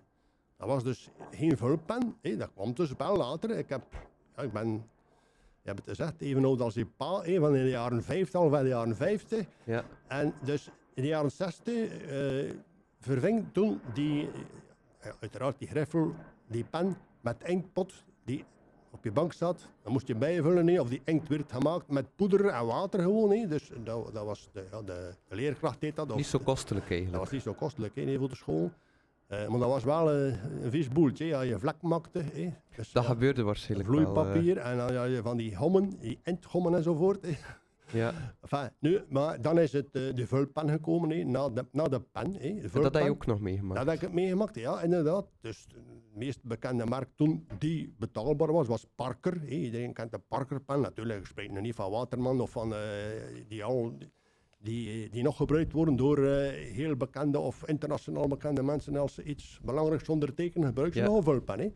Ah ja, Geen stilo, dat heeft dus een, geen eh, balpen. Hè. Ja, ja, dat een heeft- elite waarde gekregen. Inderdaad. Dat is, Ja. Maar vroeger was dat dus eh, ja, voor iedereen toegankelijk. En je kon daar dus de vullingen bij kopen. Dus dat was, dan spreek ik wel al eh, eind de jaren 60, hè, begin in de jaren 70 ook. Begin de jaren 70, dat was toen vulpen. Dat is, en natuurlijk, ja. ja vulpen, dat was ook iets. Hè. Dat, dat bleef dus Wat je kon vlakken maken of, of ja, dat, dat kraste keer op je papier. En dan natuurlijk de stilo's begonnen al aan. De Bic, hè, de uitvinder Bic van de stilo en de balpen. En dan zijn er in verschillende merken gekomen. Nu schrijven ze met stiften hè, of, of met ja, hele sofisticeerde... Ja, ja. eh, Eh, of op de laptop eigenlijk, hè. ja, natuurlijk, ja, Ja. ja. Ja, maar dat is niet meer, dat is niet, dat is schrijven, dat is typen dan. Hè. Ja, ja. Ik, ik vraag me eigenlijk af ehm, eh, over in hoeverre dat ze later nog gaan leren schrijven Ja, op school. Dat is juist, we hebben nog, we hebben nog een beetje een schoolschrift geleerd. Ja, ja. Op ik heb dat ook nog geleerd, ook geleerd? Hij En- is zo en- jonger, ja. Ja, maar dat was in, in het eerste, In het eerste, ja, leerjaar, ja, ja, dat je ja. dat echt met die krulletjes en binnen de lijntjes en dan moest dan daar komen. En, Hulplijntjes had je dan, hè? ja. Maar dat- al, bijna eh, muzieknoten dat je, dat je moest ja, ja, ja, ja. Dat, dat, is al, eh, dat is al even geleden. Ja, maar dat, dat, is, dat verdwijnt allemaal, hè, ja. En, en, je, en je verleert dan natuurlijk. Hè. Als je Nee. niet veel meer schrijft, of als je schrijft veel te rap, veel te vlug, en, ja, dan, dan verbindt dat schoonschrift. hè. Waren ze daar dan ook heel streng op? Van eh, proper en eh, mooi schrijven? Ja, natuurlijk wel, ja. Ja, je moet, als je moest je nieuwsbrief schrijven, dan moest dat perfect zijn. Hè. Dan Ja, moest ja. dat eh, in het schoonste schoonschrift zijn. Dat is natuurlijk ook het uh, Mamanse Prime, de hoogdag. Ja, dan, eh, uiteraard, Ehm, en na al dat schrijven op de lijststeen en de inktpotje die omkiepert eh, op het eh, eh, tafeltje, is er dan ook speeltijd? Ja. Hoe zag, hoe zag dat er, eruit vroeger? Ah, wel, de speeltijd en, en het, ja, zeg maar het kleuter, hè. kleuter, peuter nu, hè. Dat, ja, dat was natuurlijk maar rondlopen hè. En, en, en niet veel, je, had geen speelgoed op de speelplaats staan, niet het kleuter. Maar ik herinner mij vooral het lager, het lager onderwijs op de speelplaats, grote speelplaats. Wij hadden een speelplaats in de Damse Steeweg en daar stonden lindenbomen op. En, ja, en dan kon je daar rondspelen, maar vooral op die grond, eh, dus op de speelplaats, die bestond uit eh, betondallen. Hè. Dus eh, daar werd er gebekkeld. Wij, zijn, wij, zijn, Ja. wij zeiden natuurlijk in, het- in het Brussel of in eh pekkelen. Ja, Niet- ja, te zien met, met, met pikkels, maar, maar Ja. pekkelen, hè, bekkelen in het Nederlands. Dat, dat, dat is Kan je dus- dat nog? Eh, ik ken dat niet meer, maar daar, daar is een eh, anekdote van. Dus eh, in die zin, je kon dus die bekkels kopen. Dat was normaal, had je er vijf nodig. hè, Van je hand had vijf vingers, maar, maar dan nog. en dat was in, meestal in, een soort lood gegoten. Dat kon je kopen in verschillende winkels in Duitsland. Onder andere bij Irma Brax hè, en nog andere fietsenwinkels enzovoort. Maar, maar er waren kinderen of jongens die dat niet konden betalen, of, of dat kostte natuurlijk wel geld. En, en dat sleet ook wel een beetje af. De, ik versta wel lood, hè, een soort, eh, als je dat op de grond smijt en je veegt daarop en je speelde die verschillende mogelijkheden met die bekkels. Wat deden ze dan? Ze gingen naar een fietsenmaker, hè, we hadden verschillende in Duitselen, en eh, ze vroegen schakels van de fietskettingen. Die schakeltjes, die losse schakeltjes, dat, daarmee, was de eh, grootte van een, van een ja. bekkel. Hè, van een, en da- daarmee kon je dus ook spelen. Daar waren daar grote jongens bij die grote handen hadden, schoppen van handen, had maar zeggen. Die kon alles vangen. En weet je wat die deden? Die gingen naar, naar hè, de Duitsers als kennen hem uiteraard. Dat was dus de vader van de bekende moto, motorfamilie. Die verkocht dus moto's, maar die schakels waren veel groter. en ze, ze vroegen dat dus, ja, kapotte, kapotte ketting eh, en die schakels. Ze gebruikten dat ook om te bekkelen. Maar, het waren, nog andere spelen ook. Hè. Le- leg ik eruit wat dat, dat is, want ik weet- denk niet dat Ja. iedereen weet eh, hoe dat, dat spel in elkaar Eh, zit. maar dat is moeilijk uit te leggen aan de radio. maar zwart kan proberen. Hè. Dus je hebt dus vijf bekkelen, bekkels, gaat maar zijn. Je houdt dat in je rechterhand, ja, je rechtshand zit uiteraard. Je smijt dat op de, voor je, klein beetje, je moest, je moest dat dan oprapen. De eerste eh, bewerking was zaaien. Dat had al te maken met eh, agrarisch gebeuren, met de landbouw. Zaaien, ja, toen eh, ja, maaien en, en wat had je nog, kappen, kappen had je ook. Hè. Dus verschillende bewerkingen die op het land gebeurden, kon je doen met die bekkers. Maar dat was niet gelijk goed. En hoe verder dat je geraakt, dus een soort next level, laat maar zeggen. hè, eh, betere hoe, hoe moeilijker dat was. Hoe moeilijker dat was hè, ja. Je moest het dan omhoog smijten. Zaaien was het gemakkelijkste. Dat was Ja. bij, voor beginners. hè. Enfin, zaaien. 1 up, 2 up, 3 up, 4. Dus je begon met één pekkel op te rapen. Dus zo, zo te zaaien. Hè. Ja. Dan, dan twee. Twee in hand. Nee, maar je moest erbij rond die twee. En dan Ja. de derde, de vierde en de vijfde. Ja. Dat was, dat was de, de eerste werking. Had je dat gedaan, was dat gelukt. Hè? Ja, als je- mislukte, bij je derde bekkel moest je weer aan beginnen. Hè? Ah, ja, ja, ja. En dan kon je verder doen. Hè? Dus dan kon je eh, hakken of kappen hè? En, en maaien en, en, hè? enzovoort. Hè? En zie je, oh, wat is het verste dat je uitgeraakt bent? Oh, dat, dat, dat, dat weet je niet meer. Niet, zo ver, nee. Ik was Ja. nog niet, mijn handen waren te klein. en kreeg je dan een prijs of dat was gewoon een beetje voor de nee, dat was, dat was eh, ja. Ja. Je had ook knikkers, hè. Je had ook eh, Ah, ja, knikkers. Iedereen kent knikkers, hè. Hè, Bij ons op school was dat één keer per jaar was er eh, een, een tweetal weken op school waar dat er geknikkerd mocht worden. En voor de Ah, rest ja. mocht dat ja, niet. ja, ja. Eh, Maar hoe was dat bij jullie? Er is dan nog een heel anekdote, een heemkundige erfgoed-anekdote aan verbonden, dat ik nu wil het aan de luisteraars bekendmaken. Dat is vertel maar, volgende. Dirk, vertel Dus maar. je kon dus ook die knikkers kopen, zoals ik al zei, zoals die bekkels en, en winkels uiteraard, die gekleurde mooie knikkers. Eh, nu, nu zijn dat enorm mooi, ja, dat ziet nu, wat dat ze nu, allemaal eh, op de Ja, markt is ja. van knikkers. Maar vroeger was waren dat gewone, mooie knikkers. Maar weerom, de jongens die dat niet konden betalen, die hadden er iets op gevonden. Er waren veel mensen van Duitselen, Lesseweg en omgeving, die werkten in de glasfabriek. En in de glasfabriek waar ze dus de glazen maakten, ruiten maakten en nu, nu spiegels tegenwoordig ook enzovoort. Daar moesten regelmatig die ovens gekuist worden. Die ovens werden gekuist, dat is te zeggen, de, de afval aan de randen van die ovens moesten weggekapt worden. Dat gebeurde als die oven nog een beetje warm had. Natuurlijk niet, niet, niet, allez, niet heel warm of niet heel heet, want anders die mensen die, die daar moesten inkruipen, enfin, zeg maar inkruipen, nee, moesten dat met, eh, ja, maar zeg, met of zoiets afkappen. En dat was nog een soort ja, kneedbaar. Dus Ah ja, door de warmte eigenlijk afval nog. van dat glas, Ja. eigenlijk afval. Ja. maar dat was groen. Dat was groen. Dus Ja. iedereen, en ze, ze rolden dat dan, zoals een hakballetje in hun handen, en ze hadden ze hadden dan ook knikkers. Ze Ja. waren een beetje groter, eh, de een of de ander. Ja. En die mensen deden dat mee. Dus iedereen die in de glasfabriek werkte, kende wel iemand die die oven moest kuisen. En die dan zei, "Eh, kun je een paar van die knikkers hè, eh, meebrengen? hè?" En natuurlijk, hè, thuis Ah, ook zo Ik knikkers? had ook zo'n knikkers ja. van mijn onkel. Mijn onkel eh, in de glasfabriek. hè, dus eh, hij bracht er wel een keer een paar mee. hè. Natuurlijk waren ze niet zo mooi als die, die commerciële knikkers. Ja. Ja. Maar toch was dat, was dat ja, efficiënt. Hoor. Je kon daar ook mee knikken. En dat waren hele harde. En ehm, ik, ik vraag me dan ook af, die speeltijd, was, is, was dat dan ook een kwartiertje? Of hoe, hoe was een, een dag opgedeeld? Ja, wel, natuurlijk. eh, s morgens kwam ik toe met de fiets, te voet.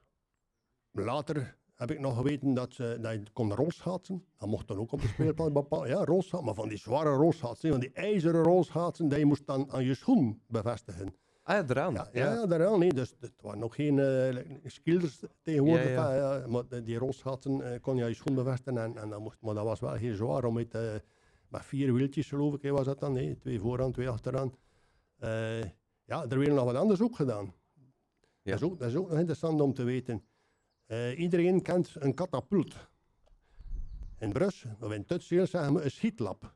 Een schietlap. Hè. Ja? Maar een schitlap, dat is niet zoals, zoals je, ik kan het niet tonen hier, zoals dus een V-vorm met een stok aan, hè, dat je dus twee eh, ja, elastieken aan doet en met een lapje, hè, vandaar het woord schitlap, hè, dat je ermee schiet. Nee, wij maakten dat zelf.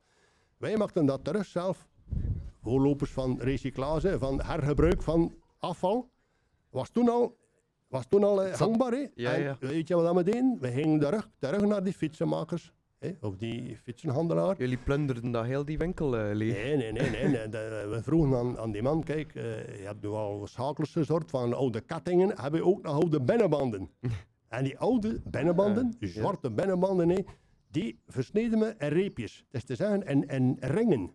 In ringen. Dus die binnenband, stel je voor, dus sneden we in ringen. En die Ja. ringen knoopten we aan elkaar totdat we zo een stuk of vier, vijf, zes, zo, eh, volgens de lengte, eh, aan elkaar hadden. En dan konden we ze dus met onze twee handen, met onze twee duimen, eh, daarmee schieten. Ja, ja, ja. En dat ging tamelijk ver, Ja. maar aangezien dat dat geknobbeld was, en als je dat tegen je hoofd krijgt, of tegen je slam, deed dat wel heel pijn. Heb je dat al heb je- dat Ja, meegemaakt? natuurlijk. Maar ik heb ook, ik heb ook geweten dat, dat er een van die jongens was, die een andere jongen zodanig geschoten had, dat hij bloedde aan, aan zijn, aan zijn slaap. Oei. En dan, dan heeft hij er eh, van gekregen natuurlijk. Ja, ja, ja, het schoolhoofd woonde, woonde naast, naast zijn vader, enfin, naast zijn ouders, zou ik maar zeggen. Maar ze waren maar veel.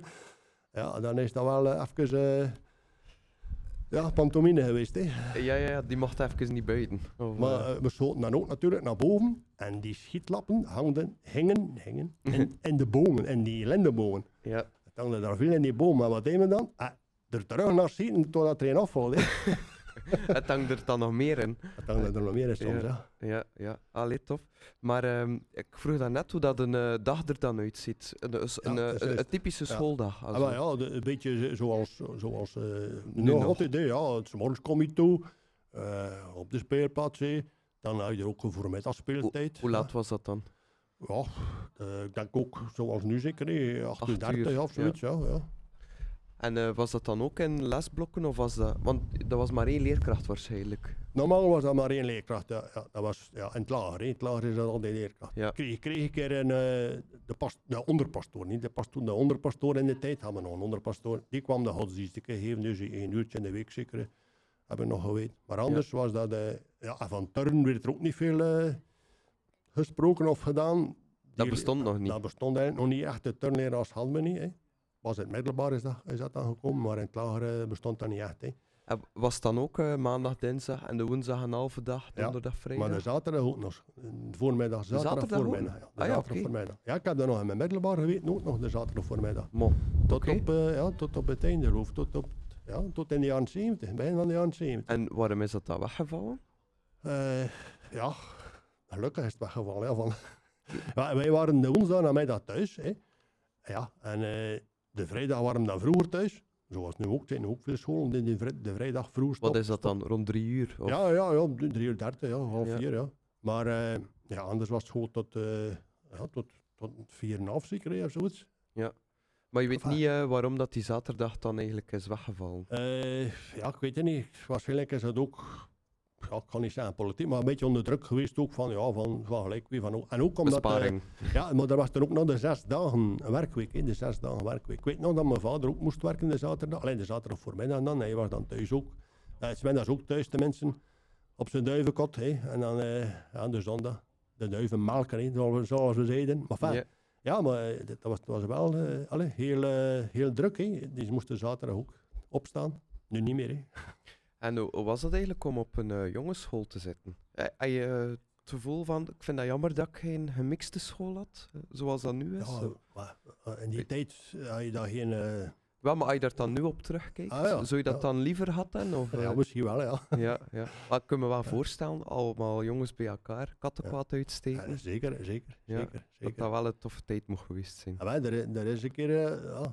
Ik, ben, ik ben een keer dus onterecht gestraft geweest omdat er een van mijn medeleerlingen kattenkwaad uitgestoken had. Oei, In, in, in de klas, hè. Ja. Ik zat toen in het vijfde leerjaar. Ja, ik kan die, die leraar niet vernoemen. Ja, ze is wel al gestorven of wat. Ja. Eh, er bestond zoiets bij ons in klas als een erelijst.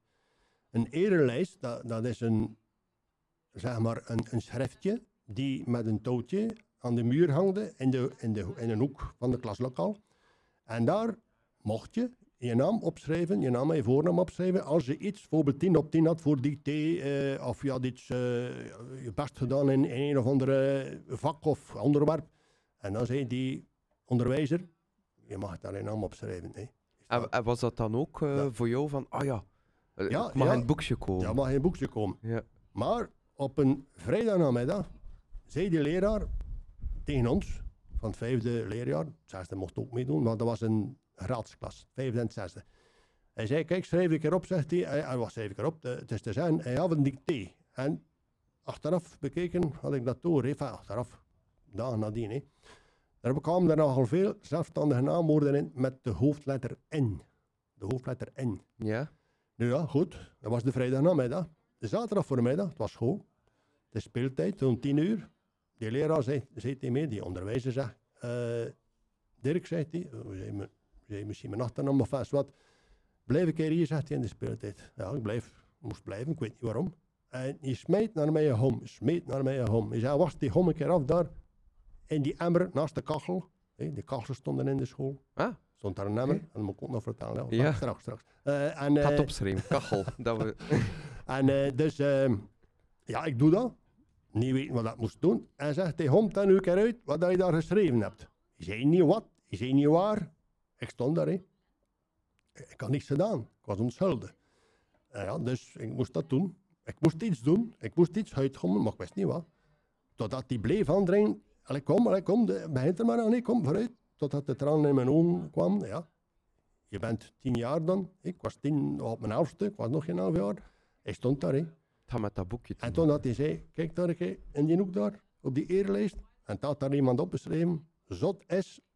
N. Kan die jongen zijn naam niet zijn. Hè. Dat was een jongen die in de klas die veel gepast werd. Ja. En die jongen, daar had iemand opgeschreven op die eerlijst, Zot S. N. Puntje, puntje, puntje. Ja. En dat was niet van mij. Maar de letter N, de hoofdletter N, kwam het meest overeen met mijn N.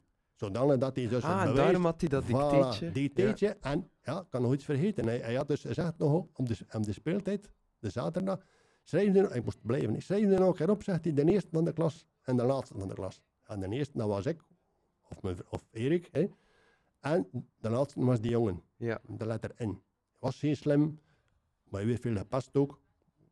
Ik, had wel kon, allee, begrip, wel medelijden, compassie met hem, dat we zeggen, maar ik heb hem nooit gepast. Nee, Allee, eerlijk gezegd, ik heb Ja. hem nooit kwaad gedaan. Maar, eh, dus, ik moest dat uithommen, totdat hij dat toonde. Het was een gewone hom, hè. En dat was, dat was met ingeschreven, hè. ik zei, hoe moet dat nu doen? Hij moet een beetje water nemen, hè, die, die, die hom. Ik thuis gekomen natuurlijk, hè. Ja. Schreien en wenen en dan mijn vader dan thuis kwam, heb ik dat heel dat verhaal verteld. Ah ja. En Zes eh, nadien heb ik dan niet meer naar school geweest. is het zo diep? eh, Zo diep zat dat. Ah, ja. mooi. Ja, onschuldig gestraft worden. Dat is, Ja. dat is, ik raad daar niemand aan. Als je niet zeker bent van, van, van iemand die schuldig is, straft hem niet. Dat is, moet dat niet doen. Hij straft nooit de hele klas. Maar kon je daar geen inbreng geven tegen die leerkracht? Nee, nee, ik had daar niks Nee. mee doen. nee. Eh, hun eh, wet was wel. Dat was zo vroeger, ja. Ja. Ja, ja, ja dat was wel. En wat was dat van die kachel? Die kachels, dus eh, de, de school weer, de schoollokaal werden verwarmd met eh, koolstoven. Met kolen, hè. Ja? steenkolen. Hè. En dat waren kachels. Hè. Eh, in de zijn ze bussenstoven. Hè. Dus gewoon kolonkachels, zeg maar, met een lange buis die, die, die dus, eh, naar een eh, afvoer ging. En, ja, en naast die kachel stond er altijd een emmer water. Ja, dat was tegen dat je verbrandde of zoiets. Hè, ja. Nu, de leraar vulde zelfs die, die kachel eh, met een schop. Maar, maar ja, dat, dat was dus... wat, wat dat er ook gebeurde in de winter, de jongens, ik spreek van jongens, hè, kwamen naar school. Ik heb nooit geweten dat er, eh, dat is voor mijn tijd, mijn broer heeft dat nog geweten, mijn oudste broer, met, met klompen gingen, maar zij gingen dus met, met gewone schoenen of wel met, met botten, hè. dus met laarzen, hè, met rubberen laarzen. Hè. Ja. Want, Ah, ja, de- ja. en ze moesten of ze mochten pantoffels meebrengen. En die pantoffels stonden naast die kachel te warmen, voor in de winter. Hè. Ja, in de Ja. zomer was dat niet nodig. Hè. In de zomer eh, gingen ze meestal in blote voeten of op sandaaltjes naar school. Hè. Maar, Dat mocht met blote voeten. Ja, ja, maar niet, niet in de schoen, hè, bedoel ik? Ja, ja. Ah, ja, ja. die blote voeten. nou. blote voeten en sandaal. Ja, Eh, ja, dat, ja. ja, dat mocht. Hè. Maar Ja. Mag dat nu niet meer? Nee, ja, Nu? Ja, ja, ja. ja, maar ik, ik dacht net op blote voeten. Nee, nee, zonder nee, nee, nee, nee, nee, Ja. nee, nee, nee, nee. Ja. Dus dat was, eh, ja, dat was een anekdote. eh, van Ja. Die kachels, hè, dat zie je nog voor, ja. Ja, allee. Gezond, gezond was dat niet, hè, ja. Kachels, steenkool, hè. branden en, en eh, dus gelukkig was er eh, verluchting of gingen die, eh, die ramen nog een keer eh, van tijd open. Hè. Ja, ja, dat, dat, dat zal wel. Maar als biedt nog een beetje verder babbelen, ik kan er eerst nog een liedje tussen smijten. Ehm, het is, eh, ik vind het alleszins zeer interessant en gezellig.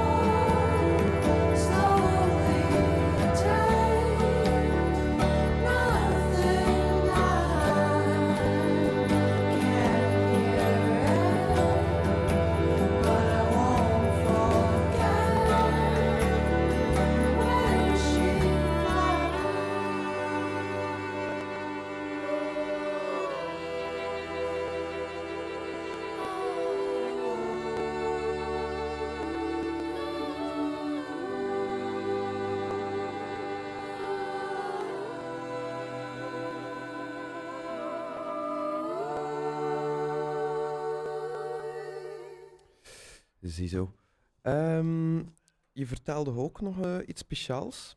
In de tijd, eh, toen, toen der tijd, dat, dat had dan de jaren 60 geweest zijn, hè? Ehm, kwam cola langs naar jullie school.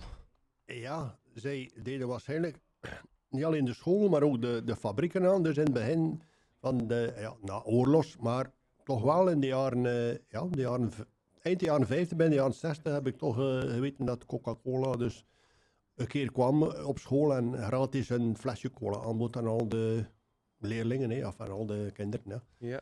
Eh, Voor een beetje reclame. Ja, En ja, ja. eet dan, eh, drink je dat sindsdien cola? Of, Nee, nee, eh? nee. nee, nee. Ik Nee. ben, ben niet echt een cola drinken. Ja, Ja. soms wel een keer. Hè. eh, Ja. Een echte cola. hè. Geen zero.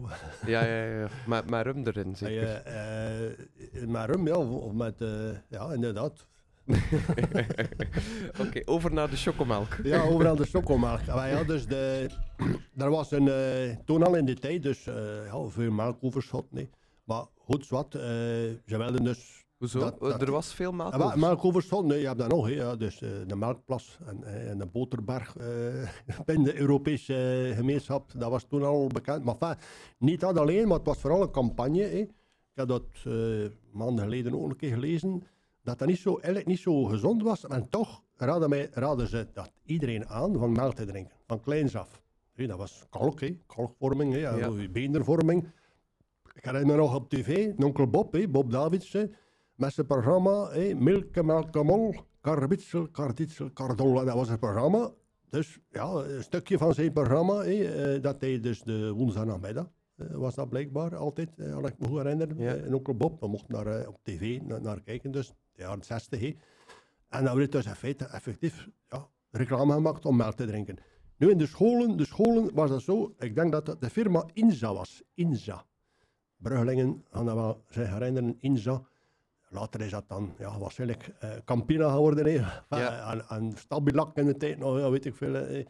Eh, nu, de schoolmelk, dat bestaat nog. Eh, het is te zeggen, er is een museumtje zelf. Dus in eh, Uitkerken, als je dus de baan Brugge Blankenberg aan je rechterkant schoolmelk De Jonge. En daar is er een heel museumpje van de melk. Van de melk. En ook van de schoolmelk. Want hij was de leverancier van schoolmelk. Die firma De Jonge kon dat leveren. En niet alleen melk, maar natuurlijk, melk, ja, melk drink je niet zo graag als er daar niks bij is. Dus chocomelk weet dan ook. Ja. Maar in glazen flesjes, hè, ja, plastic, plastic bestond nog niet. Eh dus was nog niet in voegen. Flesjes, en op de bodem van die flesjes, als chocomelk was, daar kon je dus, daar lag je chocolade of, of, ja, of cacao, laten we zeggen. Eh, dus dat kon je daarop vinden. Dan moest je eerst gaan schudden. Dan moest je dus aan dat flesje schudden. Hè, zonder dat ook, maar En- en en, dan, dan, die, die kroonkurk, die capsule afdoen en uitdrinken. Maar, Ja. daar moest je voor betalen. Hè. krijg je niet gratis. Dat is misschien maar niet zoveel, maar toch, hè, als je alle dagen hè, van de Ja. week hè, één flesje op de speeltijd, een flesje chocomelk kreeg aangeboden, moest je ouders aan betalen. Waren kinderen natuurlijk die dat ook niet konden, die kon, niet konden betalen. En eh, mijn jongste broer heeft nog gezegd, kijk, ehm, wij stonden naar, daar te hunkeren, naar die andere jongens die dus een chocomelkje uitdronken en wij stonden daar te kwijlen, dus, eh, omdat we geen kregen, omdat we onze ouders ja, te- toch niet zo... eh, behoed waren, hè, omdat eh, om iedereen, ja, je meer kinderen hebt in huis en iedereen moest ook maar drinken, nou, dat, ging niet zo. Dat, is, eh, allee, dat was een van de, zou ik zeggen, de tegenstellingen tussen, ja, ik kan niet zeggen arm en rijk, maar toch, toch eh, ondervond je dat toch dat er wel bepaalde zaken waren. Dat je soms als stoorde of, of die, die pijn deden hè, als, Ja. als kind. Dat je jammer vond dat je Ja, niet... ja. eh, ja. Oké. Ehm, hij zei ook nog, je had het daarnet gezegd, studiemeester geweest? Of eh, afhouder? Opvoeder. Opvoeder. Ah, ik dacht dat hij zei afhouder. Ik vroeg, Afhouder. ik vroeg me al af, wat, wat is dat? Af- Afhouder. Nee, nee, Studiemeester. Verkeerd begrepen, ja. Nee, nee, dus ik eh, ben gestart, dus ik ben eigenlijk toevallig in het onderwijs gekomen, eh, ik moet eerlijk zijn. Eh, maar enfin, zwart, ik was dus gestart als studiemeester opvoeder. Studiemeester koppeltechniek opvoeder noemde dat. En hoe oud was je dan? Ja, ik was toen amper 21 jaar. Ah ja, dus eigenlijk niet zo lang na het school. Ja, Eh, want tot, tot 16 gingen Eh, mensen naar school, hè? Of? Nee, nee, nee de, maar het is te zeggen, maar dat, dat kan ik misschien ook verduidelijken. Dus je, de schoolplicht bestond tot 14 jaar in de tijd. 14? Ja, 14. En wat had je dus? Mensen van de buiten, die gingen niet naar de grote school. Hè? Laat maar zeggen, van Duitsland naar Brugge of ergens anders. Wat. gingen niet naar die grote school omdat het te kostelijk was, of omdat ze niet slim genoeg waren. Ja. En wat had je dan in die scholen? Een zevende en een achtste leerjaar, de vierde graad zo zet. Dus als je dus in het zesde leerjaar gedaan hebt, ben je meestal 12 jaar. Je hebt de communie gedaan, dan kon je nog twee jaar bij doen, totdat je dus voldeed aan de, aan de leerplicht. Maar de leerplicht tot 14 jaar, dat was het zevende en het achtste leerjaar. Nu moet eerlijk zijn, ik, zoals ik reeds zei, heb ik na het vijfde leerjaar in Duits leren, ben ik overschakeld naar het zesde leerjaar. In de Broeders Savrianen, de Frères. Ik, heb daar het zesde leerjaar gedaan. En ik kon daar goed mee, er goed mee. Maar het verschil was toch een klein beetje aangeraden toen eh, de, meest, de meerderheid, de meerderheid van die klas ging, deed ook het zevende. En waarom deed ze het zevende? Omdat ze dus een achterstand hadden in het Frans. En vooral de jongens, zoals ik, die van de buiten kwamen, hadden niet veel Frans geleerd. Eh, maar moeite, mondje vol Frans. Maar dat was wel belangrijk. Dat was belangrijk, hè? om mee te kunnen in het middelbaar. Ja. Dus ik heb dan de moderne gevolgd hè, in de Frijs. Dus ik heb mijn zes jaar de humaniora gedaan. En twee jaar lager in de Frijs. Dus ik heb acht jaar naar Bruin naar school geweest. Met de bus. Acht jaar met die bus. Heen naar weer. Nu, enfin, dat zevende leerjaar, hè, dat was dus in feite een, een soort herhaling van de Hans leerstof van het lager. Ah ja, En dan kon je, dan kon je dus wel, zoals in wiskunde, meetkunde, maar vooral ook in Nederlands, die T-fout, daar ga je mij, zonder te stoef met mezelf, moeilijk op betrappen, omdat je dus echt weer ingedramd in dat leren ook. hè. Hans, die... die allee, Eh, de- eh, waar- was je dan nog gemotiveerd ook? Ja, Want je al die ja. leerstof al gezien had? Ja, toch wel, toch wel. Dat Ja. waren goede leerkrachten en, en, en ze, ze, ze, allee, die, die herhaling, dat was, dat was geen straf. Dat, dat, was, dat was niet, integendeel, hè. dat was een heropfrissing en ook goed, dat je dat, je dat goed kon voor En dat deed wel geholpen het middelbaar. Dus de eerste, allee, ik spreek nu voor mezelf, het zijn nu persoonlijke Ja, ja. anekdoten dat ik vertel. Dus eh, de eerste drie jaar, dus van het lager en middelbaar, daar ging ik vlot door. Maar ja, we hebben ook niet geleerd hoe dat je moet leren. Leren leren, dat staat nu op het programma van het middelbaar. Mijn dochter heeft dat nog ge- gehad enzovoort. school, in Brussel middelbare school. Toen in die tijd niet. Zodanig dat ik, ja, ik, ik was ook een van de haantjes de voorsten.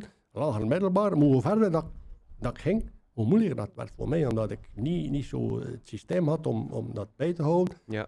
Aan de ene kant, aan de andere kant moet ik eerlijk bekennen, ik had ook te veel nevenactiviteiten. Toen al, hè. Eh, van het verenigingleven. inderdaad. Ja. Ja, Ja. En al ik eh, durven kijken naar, eh, naar het andere geslacht ook. Ja. Ah, ja, ja, ja. Ja. Dirk toch.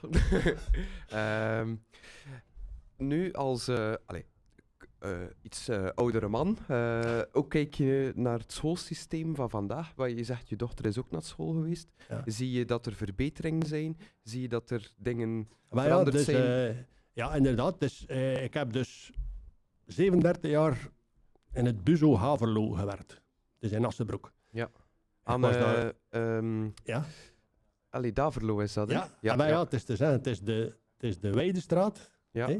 Het is niet de Davelo-school, hè. het is daar echt over aan het Bruskerkhof. Ja, ja, ja, ja, De buitengewoon onderwijs. Voilà, inderdaad. Ik, ik ben daar begonnen en het was er nog niet gemengd ook.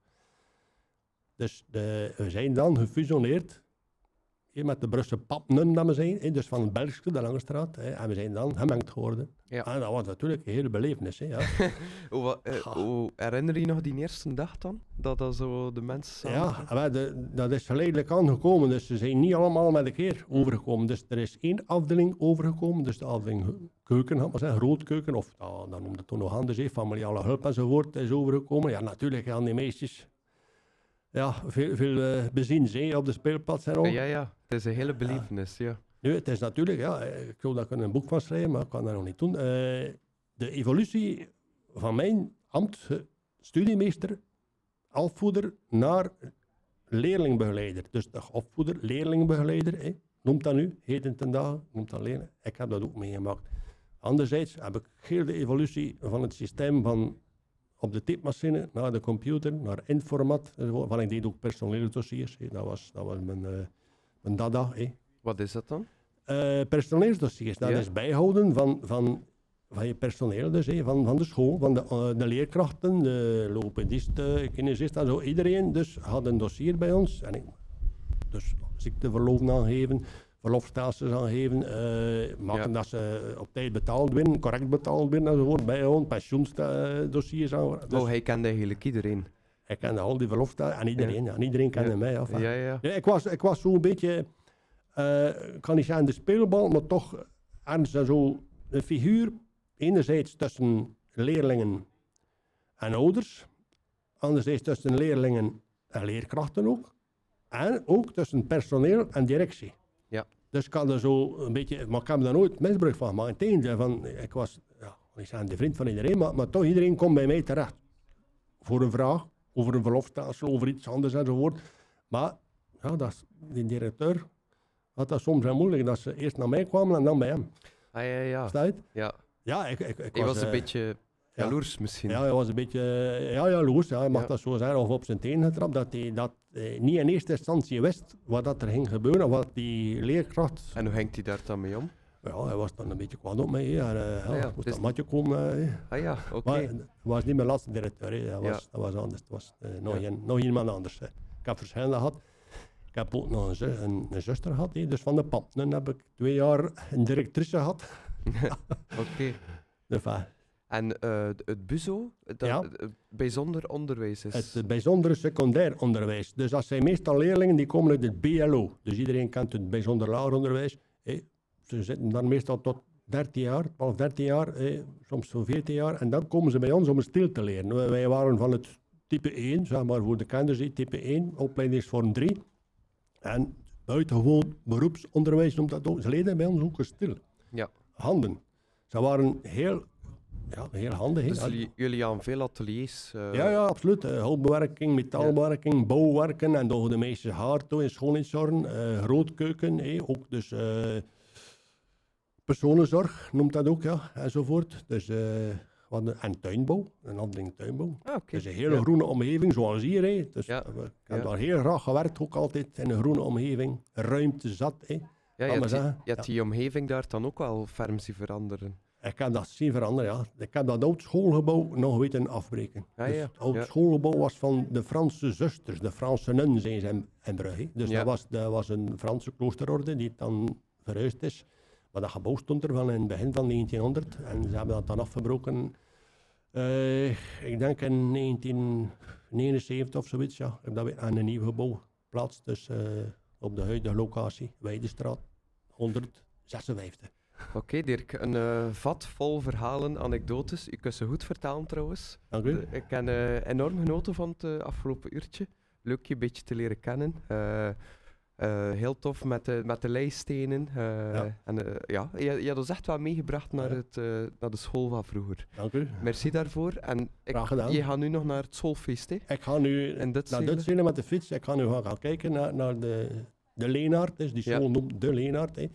En eh deze namiddag is iedereen welkom om dat klaslokaaltje nog een keer te bezoeken hè, bij ons. Oké, allee. Tot een uur of eh, half zes, zes uur hè, Ja. zijn we aanwezig. Oké. Eh, geniet nog van de dag en eh, merci Dirk. Salutjes.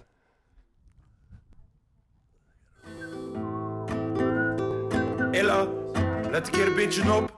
Ah, oei, sorry.